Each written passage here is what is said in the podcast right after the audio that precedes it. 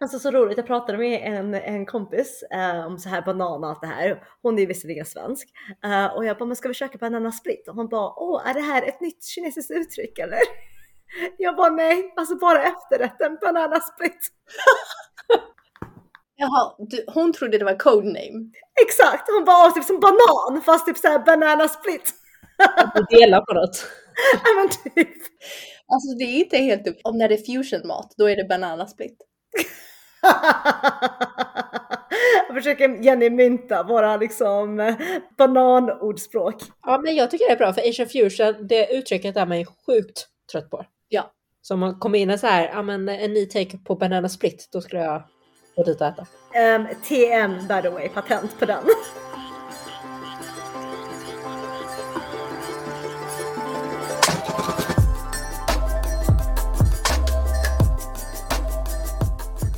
Jag vet inte om ni eh, håller med, men jag tycker att eh, det i Sverige och i övriga västvärlden, kanske framförallt drivet av USA då, har blivit mycket mer inkluderande när det kommer till jul och att fira jul. Och det syns ju, tycker jag, framförallt i att företag och, och varumärken etc. Eh, önskar typ Happy Holidays istället för Merry Christmas. Exactly. Och att man, man refererar det som Winter Holidays instead of Christmas Holidays. Exakt. Är det någonting ni har märkt av? Ja, Nu när du säger det, absolut, men det är ingenting som jag aktivt har tänkt på. Jag tycker även att jag själv har fått frågan, kanske senaste två åren, har jag börjat få frågan vad ska du göra i vinter?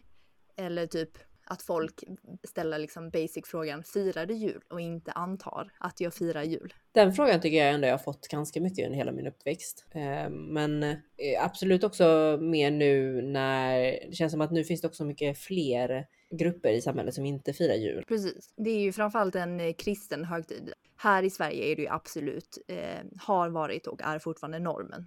Men med det här skiftet och även att jag har börjat få frågan, firar du jul? Så har jag börjat reflektera över huruvida jag faktiskt firar jul eller hur jag har firat jul i min Mm. barndom. Mm. Jag har inte ett självklart svar på den frågan. Bland mina eh, vänner som är födda i Sverige så tycker jag att jul, förutom det religiösa då som absolut liksom, mer eller mindre förekommer, Mm. men till 99% handlar om traditioner Mm. och nedärvda traditioner. Mm. Och det är mycket som går ut på att men så här har vi alltid gjort, eller det här är mormors eh, julstrumpa, det här är liksom farbrors recept, det här är min gammelmosters recept på julgröt etc. etc. Mm. Att det är liksom det julen eh, handlar om. Mm. Men om jag tänker på mina jular det, så är de inte alls lika traditionstyngda. Nästan tvärtom. Att det är nästan avsaknaden av tradition och snarare att mina föräldrar har satt mig och min bror i centrum och utgått från vad vi vill. Nej men det tycker jag att man kan känna igen sig mycket i om man är svensk kines. Men jag tycker också det blir väldigt tydligt när man är vuxen och har en egen familj och partner. Att man hör om många andra familjer som har väldigt tydliga förhållningssätt kring att de firar en jul här och sen nästa, alltså de firar varannan jul hos varannan partners familj. Och att de liksom ger sig hän den familjens traditioner den julen. Mm. Eh, och för mig så känns det liksom som att, eh, att alla jular så har vi firat precis som med Mats familj, precis som de vill. För att för mig så spelar det inte alls så stor roll. Jag har liksom ingen så här emotionell koppling till hur vi firade jul som barn. Eh, Och handlar det om att, att alla jular var olika så att ni inte har någon speciell tradition som du vill föra vidare? Eller är det bara att julen för dig inte är någon, någon nostalgisk? Ja, men lite både och. Att I Mats familj så är det jätteviktigt så här att vissa dagar, man kan liksom fira julafton på annandag jul, utan då gör man ju något annat. Eh, Och för mig så är det verkligen så här, ja ja, vi firade julafton nu med Mats familj, då kan vi fira julafton om två dagar med min familj. Jag har inte Mm. så liksom, fasta regler kring den här dagen måste vi göra det här. Jag tror att jag är någonstans emellan. För att vi har ändå varit alltså, traditionsfyllda under, under min barndomsjul. Eh, så att det jag brukar göra med mina föräldrar när jag var ett barn var att på första advent så gick vi och eh, kollade på julgranständningen och köpte våra julklappar och sen åt vi på restaurang och sen så när det väl kom till julen så brukade vi fira oftast med liksom svensk-kinesiska familjer. Uh, för att julen handlar väldigt mycket om att man ska vara med sin familj och då oftast att vi har vår familj i Kina så firar vi med varandra. Uh, så julen var alltid fylld med, med massor med uh, familjekompisar. Uh, vi hade vårt eget julbord som i princip var anka istället för skinka och det var så här kinesiskt julbord fast i princip bara vanlig kinesisk matbord men kanske lite extra fancy. Och sen så, så var det alltid klappar på julafton och också på själva juldagen den 25. För då kom ju tomten med liksom, julklappen. Uh, så att det har jag ändå varit ganska uppväxt i. Uh, och sen så skil, alltså skilde sig ju lite jular då och då. Som till exempel Jenny, våra familjer åkte väldigt ofta och åkte skidor tillsammans. Mm. Uh, så vi har ganska stora uh, julminnen från det. Och sen så när jag väl fick en svensk partner som blev som en del av familjen så kom faktiskt hans familj och hälsade på oss över jul i Kina. Mm-hmm. Då plockade mina föräldrar mycket mer jultraditioner som okej, okay, men då ska man äta köttbullar och prinskorv och Janssons frestelse och liksom pynta och allt det här. Mm. Vad fint. Var det för att de skulle känna sig välkomna typ? Uh, ja, men jag tror också att mamma älskar ju stora traditioner och stora högtider. Uh, så att även liksom innan det här så har hon alltid pyntat väldigt mycket. Så hon har ju, alltså vi har ju alltid så här adventsstakar, uh, julljus, uh, massa röda saker överallt. Men är du också så väldigt eh, emotionellt kopplad till just julafton och juldagen? Till exempel nu när du har en tysk partner och ni firar kanske julafton med hans familj.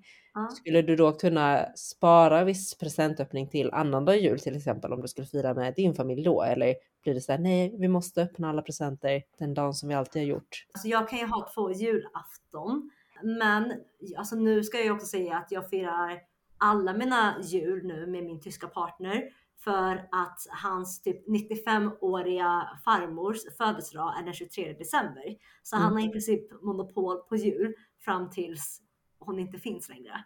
Mm. Um, men sen så tänker jag när vi väl har barn, uh, då kommer vi ju fira jul med mina föräldrar för att då har han ju fått sina jul. Uh, jul är ändå ganska känslomässigt laddat för mig. För det mm. är en högtid som man ska vara med familj, som man ska liksom fira, som att, alltså det är ju kvalitetstid med din familj. Kontrollfråga där då, tror du om Ben hade varit tillsammans med en tysk tjej, uh. tror du verkligen att ni hade firat alla jular med hans familj då också? Nej, jag tror det hade varit mer splittrat. Ja, det finns ju ändå hierarkier i att det känns ännu viktigare för hans familj. Versus liksom de, de traditionerna som du har fått från Alltså, för att vi har fått en ganska bra liksom, splittring. Så vi firar alla jul med hans familj och sen så firar vi alla kinesisk nyår med min familj. Mm. Så det blir ändå balanserat. Det är jättebra. Det är mm. en bra setup. Fanny, har du tagit med dig några jultraditioner från din barndom med till Bennes, alltså inkorporerat i Bennes eh, jul?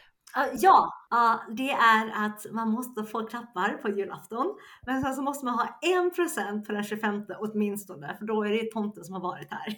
Så att jag begär åtminstone presenter på båda dagarna. Vad är liksom taktiken? Vill du egentligen ha den bästa julklappen sist? Um, bra fråga. Sist, alltså självklart, eller? Ah, nej, för tänk om man får två dåliga på julafton, för då kan man ju lätt bli lite pissed. Ja men då får man ju ändå den bra. Fast, fast då vet man ju inte om det är någonting bra på den 25 så det kan ju sätta liksom the wrong tone över nej, men, nej men jag tror nog att en, en, bra, en bra klapp på julafton är ett måste. Men okej, okay, jag, jag har börjat inse att det är väl mer hur man är som person och att kanske din mamma är mycket mer för det här med traditioner än, än vad till exempel mina föräldrar eh, har varit och att de antagligen tog det väldigt seriöst när de kom till Sverige att liksom skapa en, en tradition för, för dig och, och din familj. Ja men det är nog en, en ganska bra summary. Medan mina föräldrar eh, är inte så traditionsbundna eller, eller nostalgiska kring det och, och det är inte jag heller. Okej, okay. för att alltså för mig så finns det ju inte att vi inte firar jul. Så att eh, alla de åren som jag bott i Kina så har jag ändå försökt kolla på Kalanka. Ja, det skulle jag inte bry mig om alls. Nej, inte jag heller. Ja, Det, det är sånt som vi håller på med nu på eh, julfirande också. Att bara, nu måste vi alla stanna för klockan tre. Så är det kalanka och så är det väldigt så här, jag bara, ja ja. Alltså jag har ju Men- sett det här typ 20 gånger också. Eller hur Alltså, nej, men fast det, alltså, det är väl det som traditionen är. Att man, alltså, det är predictable men det är fortfarande nostalgiskt. Ja, så det är inget Men, värde med det. men jag tänker, men kör ni resten av liksom julfirandet? Typ så här lussetåg och Lucia, eh, Lu- Lucia-vakan. Jag tycker det är jättemysigt. Idag till exempel så var det ju ett Lucia-firande på mitt kontor. Mm. Och det tycker jag är jättemysigt när jag är där. Men det är inte så att jag skulle åkt dit specifikt för det om jag inte ändå var där. Men alltså, det som jag har tyckt var intressant är att jag antagligen har blivit mer traditionsbunden till svenska traditioner när jag bott utomlands. Så Mm. varje år när jag bott utomlands så har jag ändå sökt mig till svenska ambassader eller olika svenska organisationer för att fira de här stora högtiderna, vilket jag inte gjorde när jag bodde i Sverige. Mm. Men det känner jag igen mig jättemycket i. Också att, att jag minns de gångerna man har varit utomlands längre tid.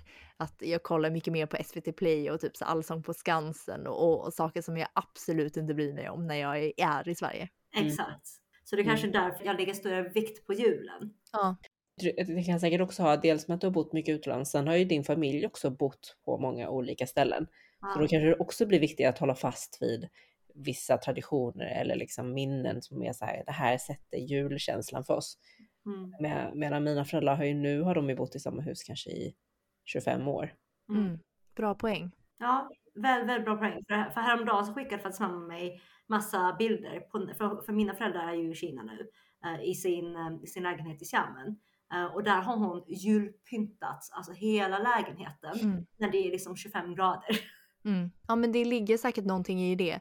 Att man, eh, man eh, håller fast vid det, det som är konstant. Ja, Men Xiao, hur, em, hur minns du dina barndomsjular? Jag minns liksom att eh, jag tror vi alla gjorde en effort att fira dem lite så som man förväntades göra i Sverige. Och pyntade lite. Vi hade ju plastgran, alltså bara för att ha en gran. Man liksom la presenterna under granen och sådär. Vi började också åka skidor ganska tidigt, när jag var 12 kanske. Och då så blev den resan jultraditionen och då pyntade vi ingenting. Det var inte så att vi tog med adventsljusstakar på resan och vi tog knappt med några presenter heller för att det var liksom resan som var julklappen. Och så är jag ju fortfarande. Jag, nu när jag har familj så som sagt Mats familj har ju väldigt här, tydliga traditioner. De äter också alltid en julfrukost tillsammans där det är en risgrynsgröt som hans pappa har kokat från kvällen innan och det finns en mandel och ja men ni vet, det är så här jättetraditionsenligt och supermysigt och framförallt är det jättemysigt eh, för barnen. De tycker, de tycker om att kunna förutse vad som kommer hända och så vet de så här att klockan tre är det här och sen så snart är det jul, kommer tomten med jul. Eh, Så att det kommer jag säkert, jag kommer säkert bli en sån person som håller fast vid det för mina barns skull, men för min del och där kan jag också känna så här, nu är det också en kavalkad av julklappar till barnen. mm. Och jag har ju försökt vara så här, måste alla köpa var sin julklapp? Mm. Eh, och du vet det är så här, vi ska ge en julklapp och sen ska jag säga, ju ni ska ge, alltså mitt barn ska ge en julklapp till det här andra barnet. Och jag har varit så här, men det kanske räcker med en julklapp per person. Och då har jag fått sånt mothugg från så här Mats familj, bara, nej, så kan vi inte göra, gud så tråkigt. Eh, så att där är vi också väldigt olika och liksom, jag vet ju att typ mitt yngsta barn som är sex månader, han kommer få hur mycket julklappar som helst. Och då har jag sagt så här, kan vi inte bara låtsas att någon av dem är från oss? Och då blir Mats kränkt för han bara, men det är klart att Louise måste ju få, alltså han är sex månader, måste få en julklapp från sina föräldrar. Det är ju liksom självklart. Medan jag bara, men han kommer få sju julklappar. Alltså behöver han få en till av just oss? Och dessutom, han kommer antagligen inte minnas det. Och det är dessutom ni som kan skriva hans minnen längre. No, no, no. I am again with Mats. 100 procent. Ja. Alltså, för det, jag menar, om man, om man tänker på, alltså, om man använder ert argument, ja men han kommer inte minnas. Men varför har ni liksom födelsedagskalas för ettåringar? Alltså det är ju också för er. Nej, nej men det, jag tycker också det. Varför ska vi, alltså. Det, Alltså det jag ser jättemycket fram emot att få barn, det är att man får återuppleva julen med barnen. Och då ja, är det klart att han ska få en julklapp från sina föräldrar. jag kan också tycka det, men jag tycker liksom det eskalerar när det är så här. Alltså de, det är ju så mycket julklappar när, när det är mycket barn med. Det är liksom alltså hundra. Jag kan, jag, kan, jag kan verkligen se det framför mig att det är överväldigande. Dels får jag konsumtionsångest och sen blir det också så att de öppnar en present så bara åh kul, gå på nästa. Alltså det är inte så här att de liksom öppnar en present, nu låter jag som hundra år gammal. Bara, wow vad jag uppskattar den här presenten. Eller det är inget sånt, det är bara så här, öppna den, jag nästa, så öppnar jag nästa. Men jag antar att det avtar med åldern. Det är inte som att Mats får... Han är fortfarande sån. De, det är så? Mm. Ja. När han var liten har han liksom fått en julkalender. Ni vet så här, en broderad julkalender Ah. med en liten present per lucka från 1 december till 4, 24 december. Från sin mormor fick han varje år. Nu gör ju hans mamma det till juni. Och han är ju lika pepp varje morgon när Juni ska gå och öppna som en present. Och Juni tycker också det är jättekul.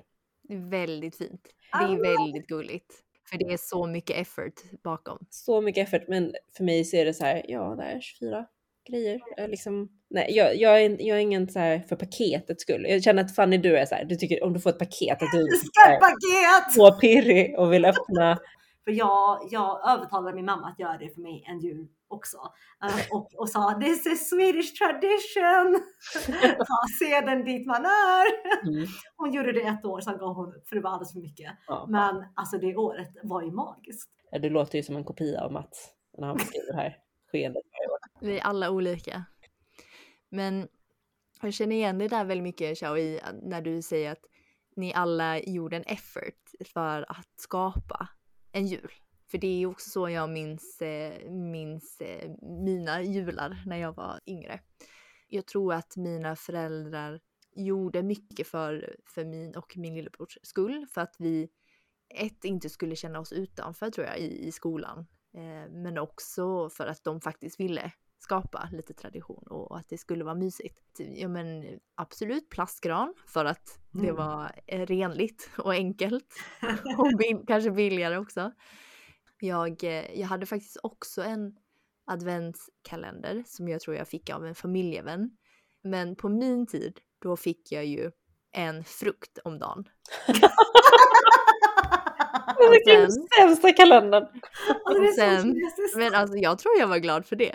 Och sen när min lillebror eh, föddes, då eh, levlade han upp såklart. Så att han fick liksom en leksak per, per dag. Eh, så det säger ju också ganska mycket om, om liksom att det gick bättre och bättre för mina föräldrar också. Ekonomiskt. M- Märkte du skillnad? För att jag tänker att du och dina föräldrar, ni flyttade ju ändå till Sverige lite tillsammans. Alltså du lärde dig språket samtidigt som de lärde sig språket. Märkte du någon skillnad när din lillebror kom? För att då var det ju ändå så att både du och dina föräldrar var ju mycket mer etablerade i Sverige. Och han känns ju ännu mer infödd i så här Mm. traditioner och Mm, bra fråga. Det tror jag absolut, för det är de jularna jag minns som mest traditionsenliga. Att vi liksom har börjat kolla på Kalanka mm. sen vi blev fyra i familjen. Mm. Att eh, vi klädde ut min lillebror till jultomte mot hans vilja. Ja.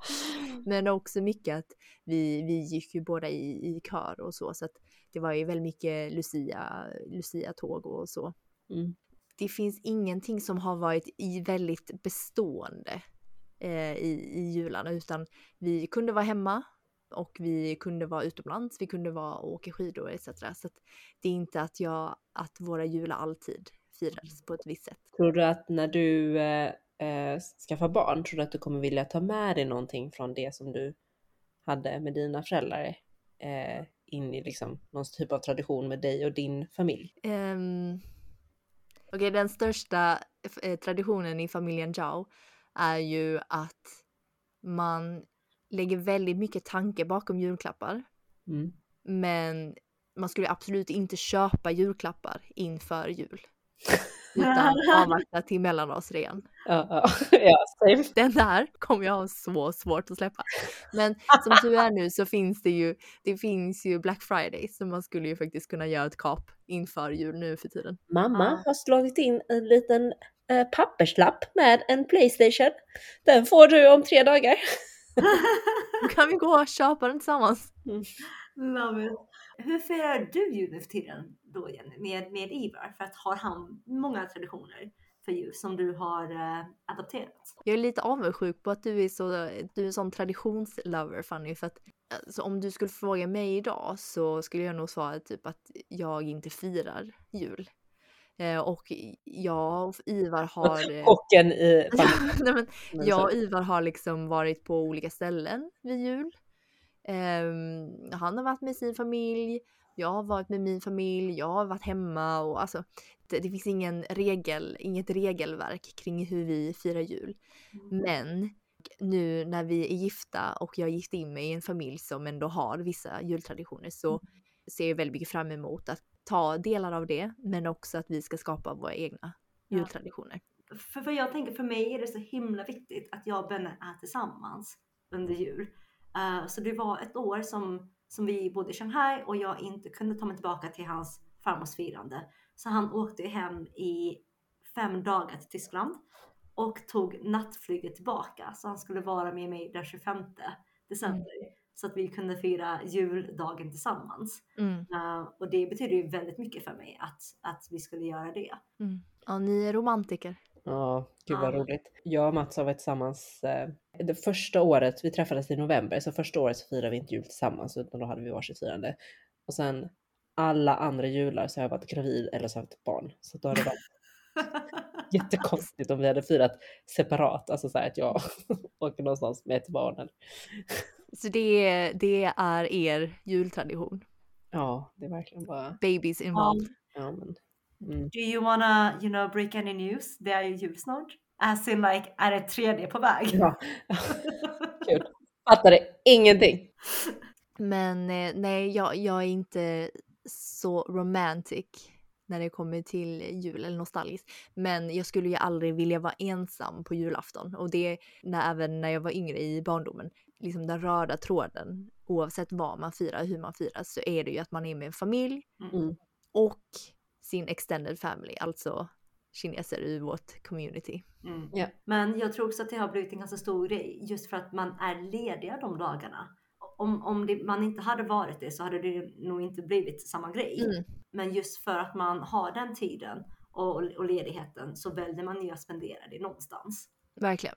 Ja men där har jag ett intressant inspel för att vi har ju eh, i vår, alltså inte vi, eller jo en del av oss också, men framförallt våra föräldrar så är det ju väldigt många som jobbar på sjukhus, Mm. som jobbar som läkare. Mm. Eh, Min mamma jobbar som eh, eh, biomedicinsk analytiker på sjukhus.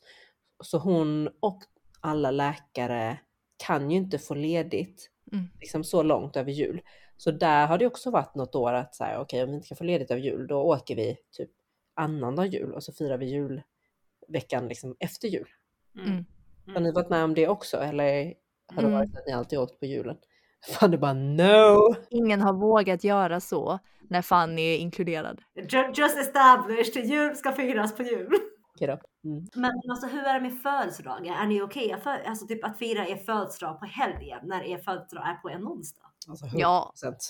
Men alltså vad är det för fel på er människor?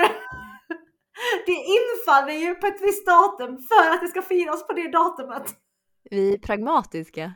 Men jag är jättepragmatisk, men jag ska ändå bli firad på min födelsedag på det rätta Alltså- datumet. Det, det, du låter ju som en kopia av min man. För första året vi var, vi var tillsammans så förstod inte jag det här. Det här är ju sånt som man lär känna liksom. Och då så var vi bortresta på hans födelsedag. Och för mig var det så här, ja ah, men du fick liksom, eh, han fick en frukost. Eh, och sen skulle vi fira honom till helgen. Vadå han fick en frukost? Ja, ja, ja men fan jag fattar det nu. Nu. Nu för tiden så får han liksom det är full, full dag planerad födelsedagsfirande. Men då så var det liksom så här, för jag tänkte att ja, han får presenten till helgen, det är inget mer med det. Men på, nej, nej, men i, ur hans synvinkel så var det så här, det fanns ingen present jag kunde ge som gottgjorde att jag inte gav en present på hans födelsedag. Jag är Det spelar fortfarande ingen- honom. Det spelar ingen roll liksom, att han får så här världens finaste present två dagar senare. Det gottgör inte att jag inte gav en present på hans födelsedag. Gud. Japp, håller helt med. Det är det här som är konsekvensen av om man har för traditionsenlig familj. Du, du ser att det här är som något negativt. Nej, men man saknar flexibilitet i livet skulle jag vilja säga. Alltså, för, för på min födelsedag, då ska jag ju bli väckt. Det här, den här konversationen har jag och Ben haft många gånger. Mm. Så att han verkligen ska missförstå hur man firar mig. Um, och, och det är att han ska väcka mig med tårta vid sängen, med present och sen ska han uppvakta mig hela dagen eh, med middag och helst en överraskningskalas med mina vänner. Och, och sen så brukar jag dra ut det till min födelsedagsvecka och ibland min födelsedagsmånad. Så att jag firar min födelsedag med olika grupper av vänner vid olika tillfällen under den veckan. Men jag ska definitivt bli firad på min födelsedag. Men även då, tänk att det är typ en måndag. Ja. Då vill du också ha att det ska vara typ en fest på kvällen. Liksom. Nej men det behöver inte vara en fest, men det ska vara min favoritmat, vi ska göra det jag vill ha, jag ska få present, jag ska bli uppvaktad. Men det är different persons, two categories. Men vad har ni för traditioner över era födelsedagar då? Liksom vad är must dos? jag tror att tystnaden talar för sig. Nej, men, okay, jag kan, eftersom jag nu har varit tillsammans med eh, alltså Fanny kopia, alltså Mats, i några år. Så jag kan ju förstå liksom typ hans 40-årsdag. Det skulle jag ju tycka var en rolig födelsedag även när jag fyller jämnt. För då så väcks han så är det så här sång och så får han liksom en liten present då. Och sen var det en överraskningshappening på förmiddagen som han inte visste vad det var. Och så fick han liksom bara en det så här väldigt eh, subtle hint i presenten. Som var typ Mm. underställ. Och sen åkte vi och körde så här elmotorcykel som man tycker är jättekul i liksom några timmar. Och sen var det liksom så här en överraskning igen vad vi skulle göra sen. Och så fick han liksom en liten present inför varje moment. Men gud vad avancerat. Oh, love it! Ja men du ser ju, alltså Fanny nu är det ju så här will you marry me face till mig. För hade jag, hade jag inte varit tillsammans med en sån person då hade jag ju aldrig gjort den efforten liksom. Det blev ett väldigt trevligt minne för alla, även för mig. Men om vi planerat. bortser liksom från era partners och allt det här. Vad behöver ni för era födelsedagar? Liksom, hur har ni blivit firade? Liksom, vad är ett måste som ni känner, oh, utan det här så är det ingen födelsedag? Alltså, Alltså att någon ska säga grattis antar jag. men alltså guys, have some standards! Men alltså, knappt det. Alltså, jag, det är liksom inte så att jag kommer till jobbet och bara förväntar mig att alla ska veta att det är min födelsedag. Det tycker jag att jag Oh. gör. Wow. Nej, alltså jag, jag är också ganska low key, men med det sagt så jag blir väldigt fint uppvaktad alltid av Viva, så att det handlar inte om att jag inte uppskattar det. Men är det inte lite det här love languages? Okej, vad, är din, vad är din love language i Min love language är ju alltså verbalt. Jag tycker om att eh, skriva och, eh, och kommunicera till andra. Jo men tycker du, tycker du om att få det också? Att andra skriver? Jag tycker om att få me- så här meddelanden eller typ sms om så här, "Åh, jag tänker på dig och sådana saker. Jag är ingen gift person och jag är ingen eh, eh, service person. Jag, så att jag måste aktivt tänka på, okej nu uppskattar jag den här gåvan och nu uppskattar jag den här servicen. Okej, Mm. men för det första, jag blir alltid jätteglad av dina små meddelanden Jenny. Alltså det är verkligen så här, oh my god, this just brightened my day och du är så duktig på att göra det. Så att din love language definitely shows. Men alltså gift för mig är ju typ min sista love language. Så du menar att du inte skulle visa kärlek via gift till någon annan? Eh, nej, alltså, jag, jag, alltså det betyder inte så mycket för mig. Jag fattar, jag fattar ingenting nu. Det betyder inte så mycket. Nej, nej, alltså jag tror bara att jag potentiellt bara är high maintenance. Okej, vänta, vänta, vänta, vänta. Okej, så att gifts är superviktigt att du får dem, men du, det betyder ingenting. Vad är då liksom det love lang- language som du tycker har högst? Alltså service betyder mycket. Typ att någon lagar mat åt dig. Mm. Ja exakt, det betyder jättemycket. Uh, och typ quality time. Mm. Det, alltså det, det är inte som att jag kräver materialistiska saker. Um, utan men det, det är mest det här med att bli firad. Nej men på riktigt. Men typ så här, han köper ju aldrig blommor, vilket jag är helt okej med. För att hade han köpt blommor hade jag typ tänkt, men alltså det här dör om två dagar.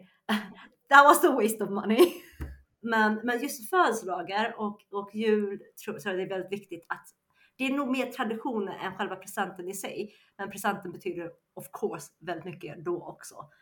Jag kom på en sak som jag tycker är en viktig beståndsdel när jag fyller år. Men jag tycker väldigt mycket om att hosta saker. Alltså hosta typ en brunch eller typ en middag eller, eller liksom när jag var yngre ett kalas. Så att det, födelsedag är ju perfekt tillfälle att eh, vara hostess. I, I love att på din födelsedag så vill du ge. Alltså du är så fantastisk Jenny. Nej, jag vill inte men jag vill stå i, kanske stå i centrum. Men också så här hosting others, you know. Ja precis, för du kan ju stå i centrum om någon annan ordnat en fest åt dig också. That's true. Mm. Men jag gillar verkligen, I like people coming together. På mina kalas när jag var yngre, då, då ställde pappa alltid fram eh, mitt keyboard mitt i, mitt i rummet, eh, mitt i kalaset och bara annonserade att nu ska Jenny spela ett stycke för er. Gratiskonsert. Så Det var nice. lite såhär ändå paid. Men, men också lite så här, this is how good my daughter is. Ja, också. Others. Och visa upp det för andra tolvåringar. Okej, men det här är jättebra att veta att om jag har en gåva kvar att ge i livet, då ska jag ge den till Fanny och inte Chow. på min födelsedag åtminstone. Men jag kan säga att jag har alltid tänkt så här, men min födelsedag är inte så viktig. Tills min son höll på att göra entré på min födelsedag. Då märkte jag helt plötsligt att jag är inte redo att dela den här dagen med någon annan. Eh, och då kämpade jag ju typ för kung och fosterland. Han föddes liksom en halvtimme dagen efter liksom. Och då märkte jag att eh, även dagen efter är egentligen lite för nära, för då är det samma helg. Så att liksom när jag blir, när jag får konkurrens om den uppmärksamheten, då, då blir jag ändå lite, ja, då ringer Då blir det lite matt. Mm. Men, men tänk nu på att jag delar min födelsedag med eh, Benedikts halvsyster. Mm. Mm. Men vem Så är det? nej. Mm. Så att det är kanske är därför jag också så här håller i min födelsedag. För att I now have to share it. Mm. Fruktansvärt.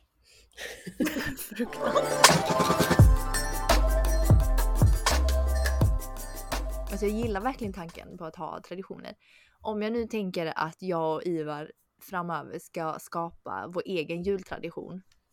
Vad tycker ni att jag ska inkorporera för någonting som, som kommer från den kinesiska sidan? Jag tycker att du ska fira kinesiskt nyår bara. Mm. Men har ni firat kinesiskt nyår i Kina någon gång? Nej, aldrig. Va? Oh guys, you're missing out. Mm, det skulle jag jättegärna vilja göra. För att eh, för Benna har faktiskt firat med mig, jag tror två kinesiska ny, eh, nyår i Kina. Mm. Eh, och det har varit fantastiskt. Eh, det var så han lärde sig spela mycket bra kinesiska kortspel och mahjong. Perfekt. Jag var där samma år som jag eh, bodde i Hongkong och då eh, dels så fastnade vi, för jag skulle åka från Hongkong till då min, min där min mor, mormor bor i Wuhan och då fastnade jag i den här, jag har aldrig sett så mycket folk som rör sig från en plats till en annan. Och så var det precis som att klipp så här, till första lediga dagen, då var det helt stilla överallt. Då kunde man gå ut på gatan och så var det typ helt tomt. Alla är hemma med sina familjer. Ja, så det var en Ja. väldigt konstig så här, känsla. För det är ju, är ju inte riktigt så i Sverige ändå. Att det bara är helt dött liksom. Alltså de, de kallar ju det för typ den stora rörelsen eh, när det blir kinesiskt nyår och alla ska ta sig hem. Eh, Så Mm. det finns ju aldrig så mycket eh, travelers som under den korta perioden innan kinesiskt nyår. Mm. Där alla tåg är liksom eh, fullbokade upp tills att folk står i liksom 20 timmar för att komma hem. Mm. Men kinesiskt nyår infaller ju oftast någon gång i månadsskiftet januari, februari där. Mm. Så att det, det passar ju ganska bra så som du säger Xiao att okej men då kör jag liksom en, en ganska traditionally Swedish jul Mm. och sen kör man en all in kinesiskt nyår. Mm. Ja, men jag tycker det känns eh, som en bra kompromiss. Och det är bara trevligt att fira på ännu fler dagar. Det är sant. Hur ska man fira kinesiskt nyår då? Jo men traditionellt sett så består firandet av fyra delar och det sträcker sig över ungefär två veckor där de flesta, liksom hela landet är stängt första veckan. Mm. Sen andra veckan så liksom börjar så är vissa grejer igång igen och officiellt så är firandet eh, ungefär två veckor. Eh, och första delen av firandena börjar med liksom en stor städning som man rensar ut och städar och gör rent för det nya året och man tar fram pyntet. Det är lite som så första advent för Sverige, Mm. svenskar. Att man tar, tar fram de röda grejerna och det röda står för ehm, prosperity. Vet jag, vad är det svenska ordet för det? Typ välstånd. Välstånd och energi.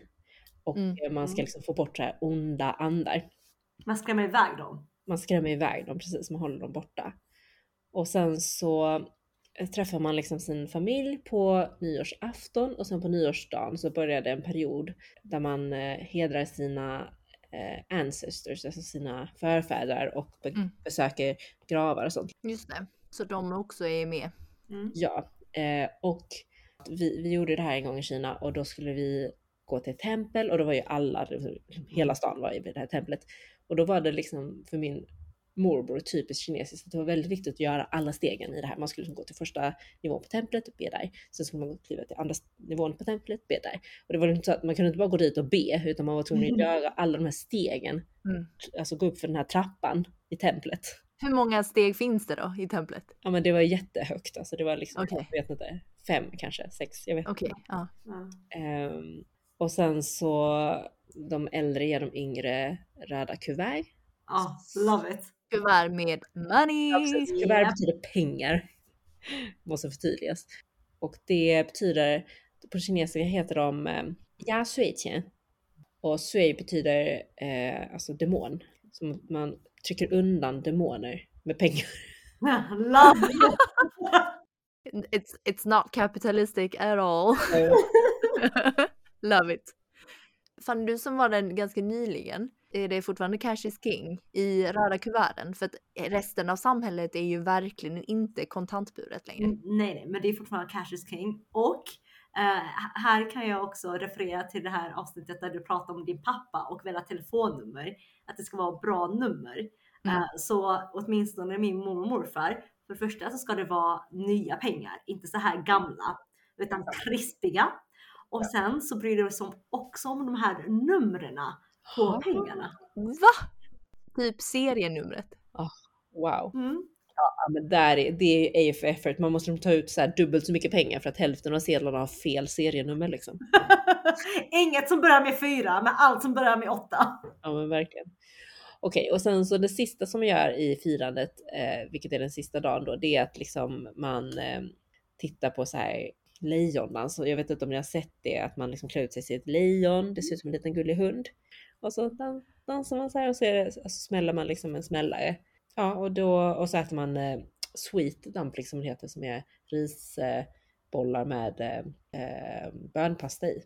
Är det för att man ska säga twenty, alltså come together? Precis, det, Okej. det har med det Men, göra. men, men vänta, ska, ska man inte äta dumplings på det nya året? För Fanny, du har ju nämnt att våra föräldrar hade så här superstora paraboler för att få in så kinesiska tv-kanaler. Ja. Ehm, bland annat CCTV som är ju då Kinas motsvarighet till SVT.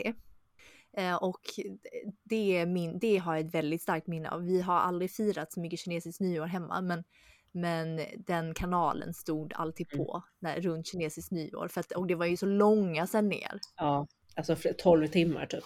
Alltså, Det är Ja. helt sjukt. Mm. Ja, ja. Och det, var- det var ju också väldigt många olika performance. Kunde vara allt från dans till sång till komedi, sketcher, eh, poeter. Typ Pekingopera. Alltså allt. Ja. I, verkligen. liksom, det var verkligen gott och blandat för kinesisk eh, entertainment. Mm. Nu har jag eh, fått fram maten som man äter. Det är väldigt viktigt att man äter dumplings för wealth. Och sen äter man också spring rolls, alltså vårrullar för wealth. Och sen äter man fisk för increasing prosperity. Just det. Sen äter man good fortune fruit. Vad är det? För eh, det är någon frukt som ser ut som en liten clementin. Ja, ja, ja, de här små. Ja, precis. Vad är det för något? Är Eh, det Kumquat. Ja, det är det kanske. Eh, för fullness och wealth. Och sen tangyuan, det som jag pratade om då, risbollar med eh, bönpasta för, för, ja, för eh, family togetherness. Det tycker jag är ganska gott. Och sen så äter man också eh, nudlar då. Happiness och long, longevity. All good stuff. Mm. Det här tycker jag verkligen vi ska fira mer. Ja, och jag blir så sugen på all den här maten nu när vi pratar. Och att få pengar. Ja. Jag vill ha pengar för att krossa alla mina demoner. Ni är ju äldst, måste jag ge pengar? Ja, men alltså i den här åldern så kommer vi inte få pengar. Det är att vi ger. För att ofta så brukar man ge till den yngsta generationer och singlar, folk som inte har familj. Så att Tja, om du tyckte att Juni och Mis får, inte får tillräckligt många julklappar så kommer de också få pengar då från oss. Men, alltså, jag tycker faktiskt att de människorna i par ska få grejer. De får ju aldrig någonting. Men alltså om du är singel. Jag vet inte att jag, jag vet inte om de får det här röda paketet för att folk tycker synd om dem eller för att shamea dem lite. Both probably. Most likely. Vi får ha en eh, turné, en kinesisk nyår-turné också så att vi kommer till dig också Fanny i Malmö. Så mysigt. Det här året kommer jag ju fira med alltså föräldragenerationen. Mm. Men you like it. So. Ja, alltså mat, nivån på mat som man får då. I know, so good, so good. Det är next level. Men det ska också nämnas att kinesiskt nyår, just det, den baseras ju på månkalendern. Mm. Och att varje nytt år innebär ju ett nytt djur som är kopplat till det. Så 2023 så är det harens år har jag kollat upp faktiskt. Ah, det är min pappas uh, bemingningen som är liksom hans, eh, hans år. Då ska han ha eh, rött på Röd, sig. röda underkläder. På våren har vi några andra högtider då. Mm, det finns ju the Labour Day som firas som alla andra, alltså första maj. Just det. Ja, men, men det som är väldigt intressant med Kinas Labour Day är att de har gjort det till en fem dagars semester. För att de kallar det för the Golden Week. Vilket är där de försöker få in turism inhemskt i Kina. Så det har blivit väldigt kommersiellt. Eh, för de upptäckte att om man gav mer än tre dagar ledigt så reser folk väldigt mycket. Eh, så under den veckan så är det oerhört mycket resande kineser. Eh, så det året som jag pluggade i Xiamen Um, då kunde jag typ inte ta mig utanför mina föräldrars lägenhet. Uh, för de bodde vid havet. Uh, för det kom turist, alltså så många turistbussar som lastade med folk som aldrig hade sett havet innan. Gud, det är så otroligt, alltså det är så svårt att tänka sig de turistströmmarna i, i liksom med den folkmängden.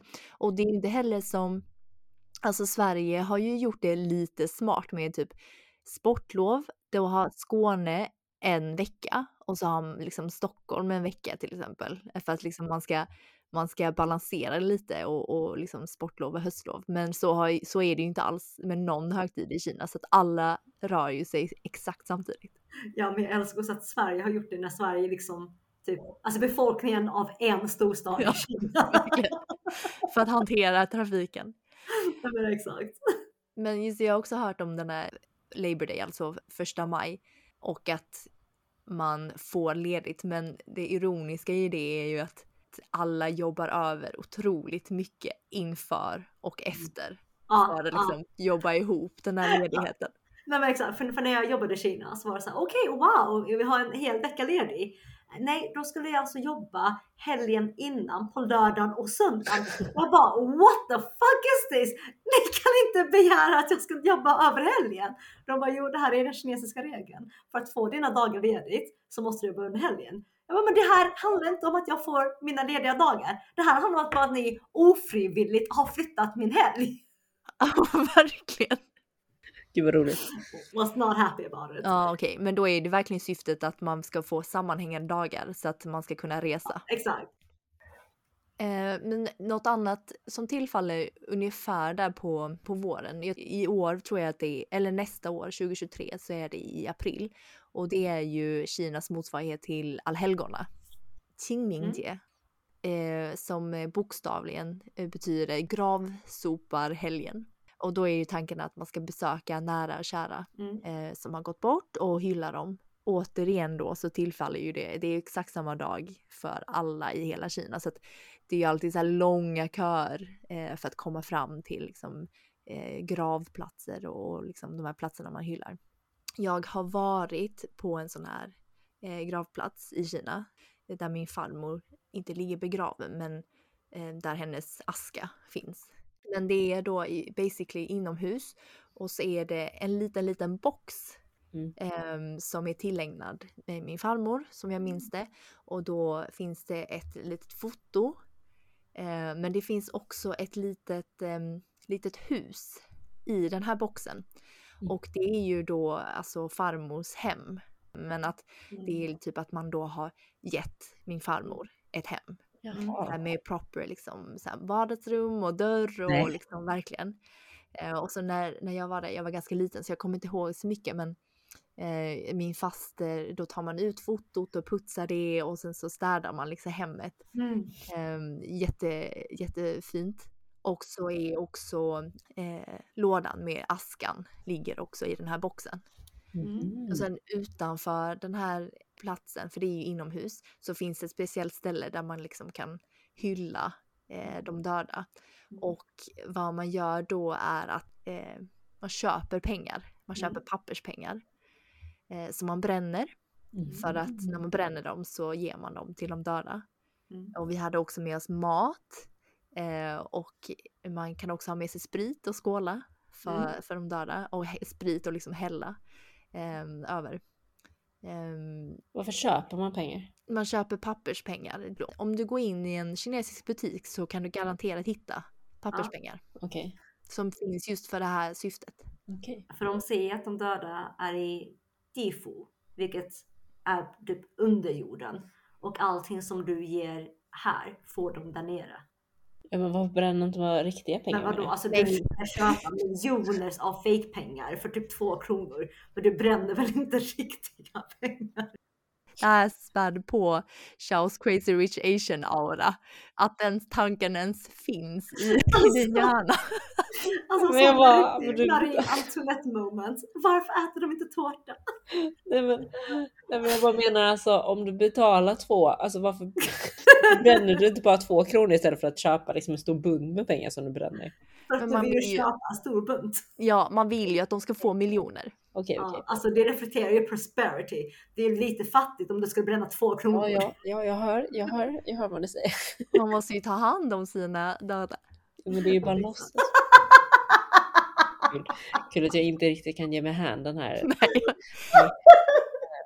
Så det, den helgen finns ju. Så den är ju motsvarigheten till allhelgona. Sen kort efter det så eh, är det ju något som kallas för Mid Autumn Festival. Men innan dess så är det The Dragon Boat Festival. Ja, för den infaller på den femte dagen av den femte månaden av den Mm. kinesiska eh, kalendern. Så Okej. oftast runt maj någonstans. Mm. Eh, och okej, så det är två olika stories behind. Den ena är att man hyllar en död poet, men jag tyckte den storyn var lite tråkig så vi fick se på den andra. Eh, vilket är att den här holidayn är för att man ska få in health. Eh, för att ofta så blir den månaden refereras som giftmånaden. Um, och jag tror, min egen teori är att eh, långt, långt, långt, långt bak när det börjar bli sommar så började ju frukter och mat ruttna mycket Mm. snabbare. Rötmånaden. Mm, Exakt. Mm. Det var kinesiska versionen av rötmånaden. mm, Uh, så under Dragon Boat Festival så ror man, det har mycket med draken som är liksom det mäktigaste djuret som Shah har sagt flera gånger för hon är en drake. Och så äter man zhongzi som är, eh, som är ångande risknyten med dadlar i. Och jag tror också för att det är väldigt carb heavy så det ruttnar ju alltså mycket svårare än typ meat och veggies. Mm. Också, n- not quoting any source, det här är min egen teori. Vad roligt för att jag äter, eller i min familj äter vi absolut mest eh, alltså fläsk jonji. Alltså. Ah, savory zhongzi. Mm, Okej, vi äter typ bara sweet. Så man har um, zhongzi med dallar och sen så doppar man det i socker. Ja, jag vet. Jag älskar det. jag tycker Så alltså fast salt, alltså det är också så gott. Det är så här lite typ baconaktigt nästan fast fläsk. Och det är så gott. Nej. Jag blir så hungrig att prata om det. I juni så var pappa och Xiaojie, hans fru, eh, här på besök i Stockholm. Och de hade med sig zhongzi. Men då var det blandat salta och eh, söta. Och så det var en sån himla gamble. Så- För att man kan ju liksom inte, det är också väldigt mycket ris runt så man kan ju inte riktigt lukta sig till det. Nej, nej, det var typ som så här att mamma hade typ som när man kollar på eh, vattenmelon. Hon hade så ett sätt att se vilka som var salta och söta fast det stämde typ inte riktigt. Jo men för att de med kött var oftast lite mer oljiga så att det kunde finnas så här olja. Ah, okej. Ah, Makes sense. ja, makes sense, makes sense. Men Fanny, hur förklarar med den teorin? För jag tror att jag har hört den andra historien från pappa. För hur, hur förklarar du att det heter Dragon Boat Festival med Okej. den här rötmånaden? Vad heter Alltså den här rötmånaden var ju liksom länge, länge sedan. Och sen så kom det en ganska stor poet och då hyllade man hans död med, med själva festivalen som fanns tidigare. Men man bara döpte om den till The Dragon Boat Festival. Eh, och det var då man typ hyllade honom med att eh, köra den här Dragon Boat racet. Så att den här festivalen har två olika källor. Men nu under coronaåret så börjar man gå tillbaka till det ursprungliga, vilket är den här rötmånaden. Så att eh, den här eh, Dragon Ball Festival ska ju i princip innebära liksom health, men typ medicine and health. Så Okej. att man har lagt ner mycket mer vikt på, på den här festivalen på grund av corona.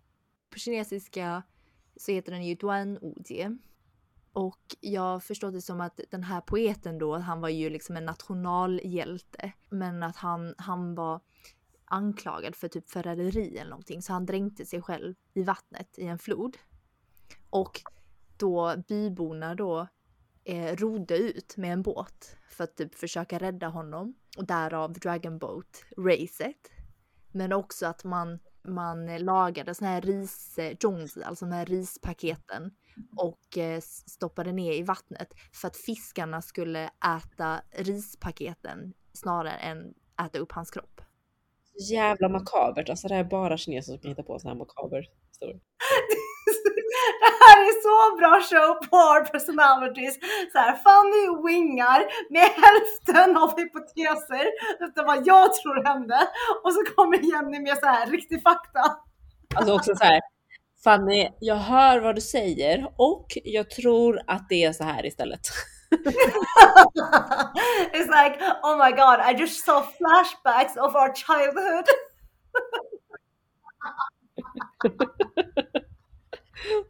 Love it!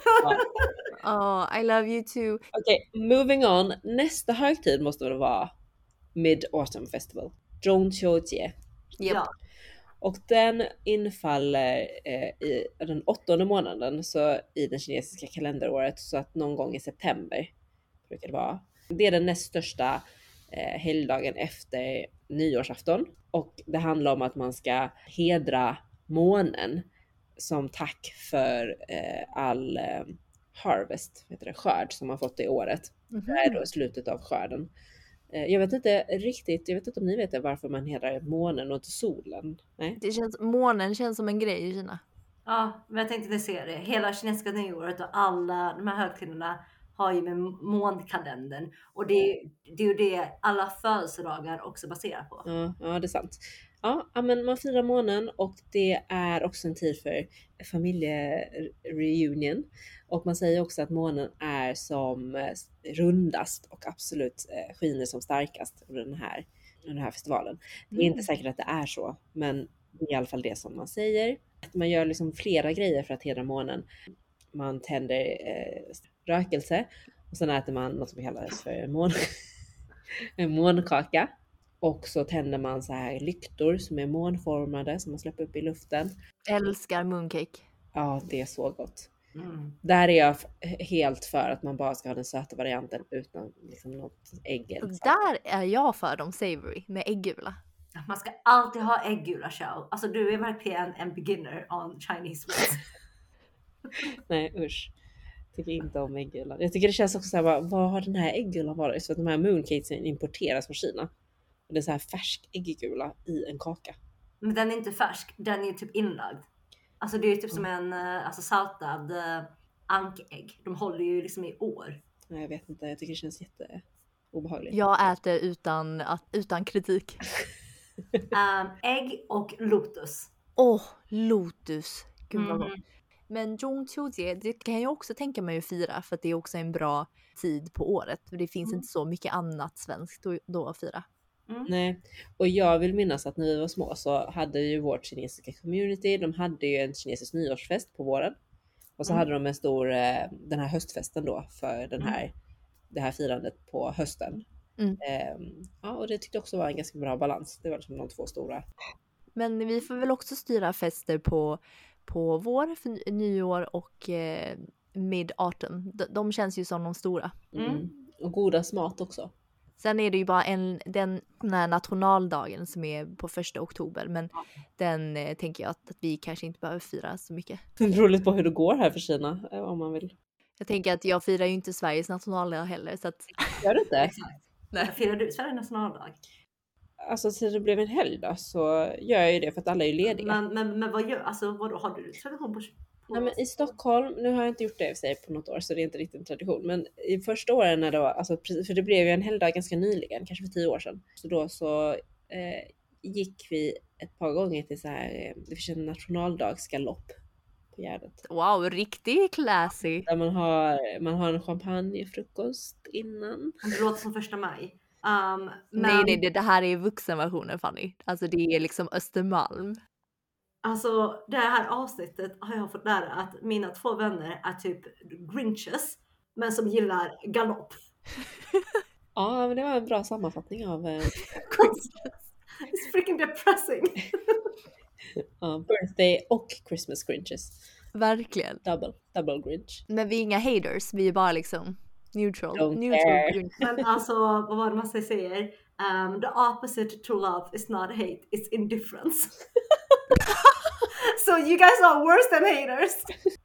Okej, point taken. Yes, vi tar till oss det här för att Ta fem snabba innan vi ballar ut igen.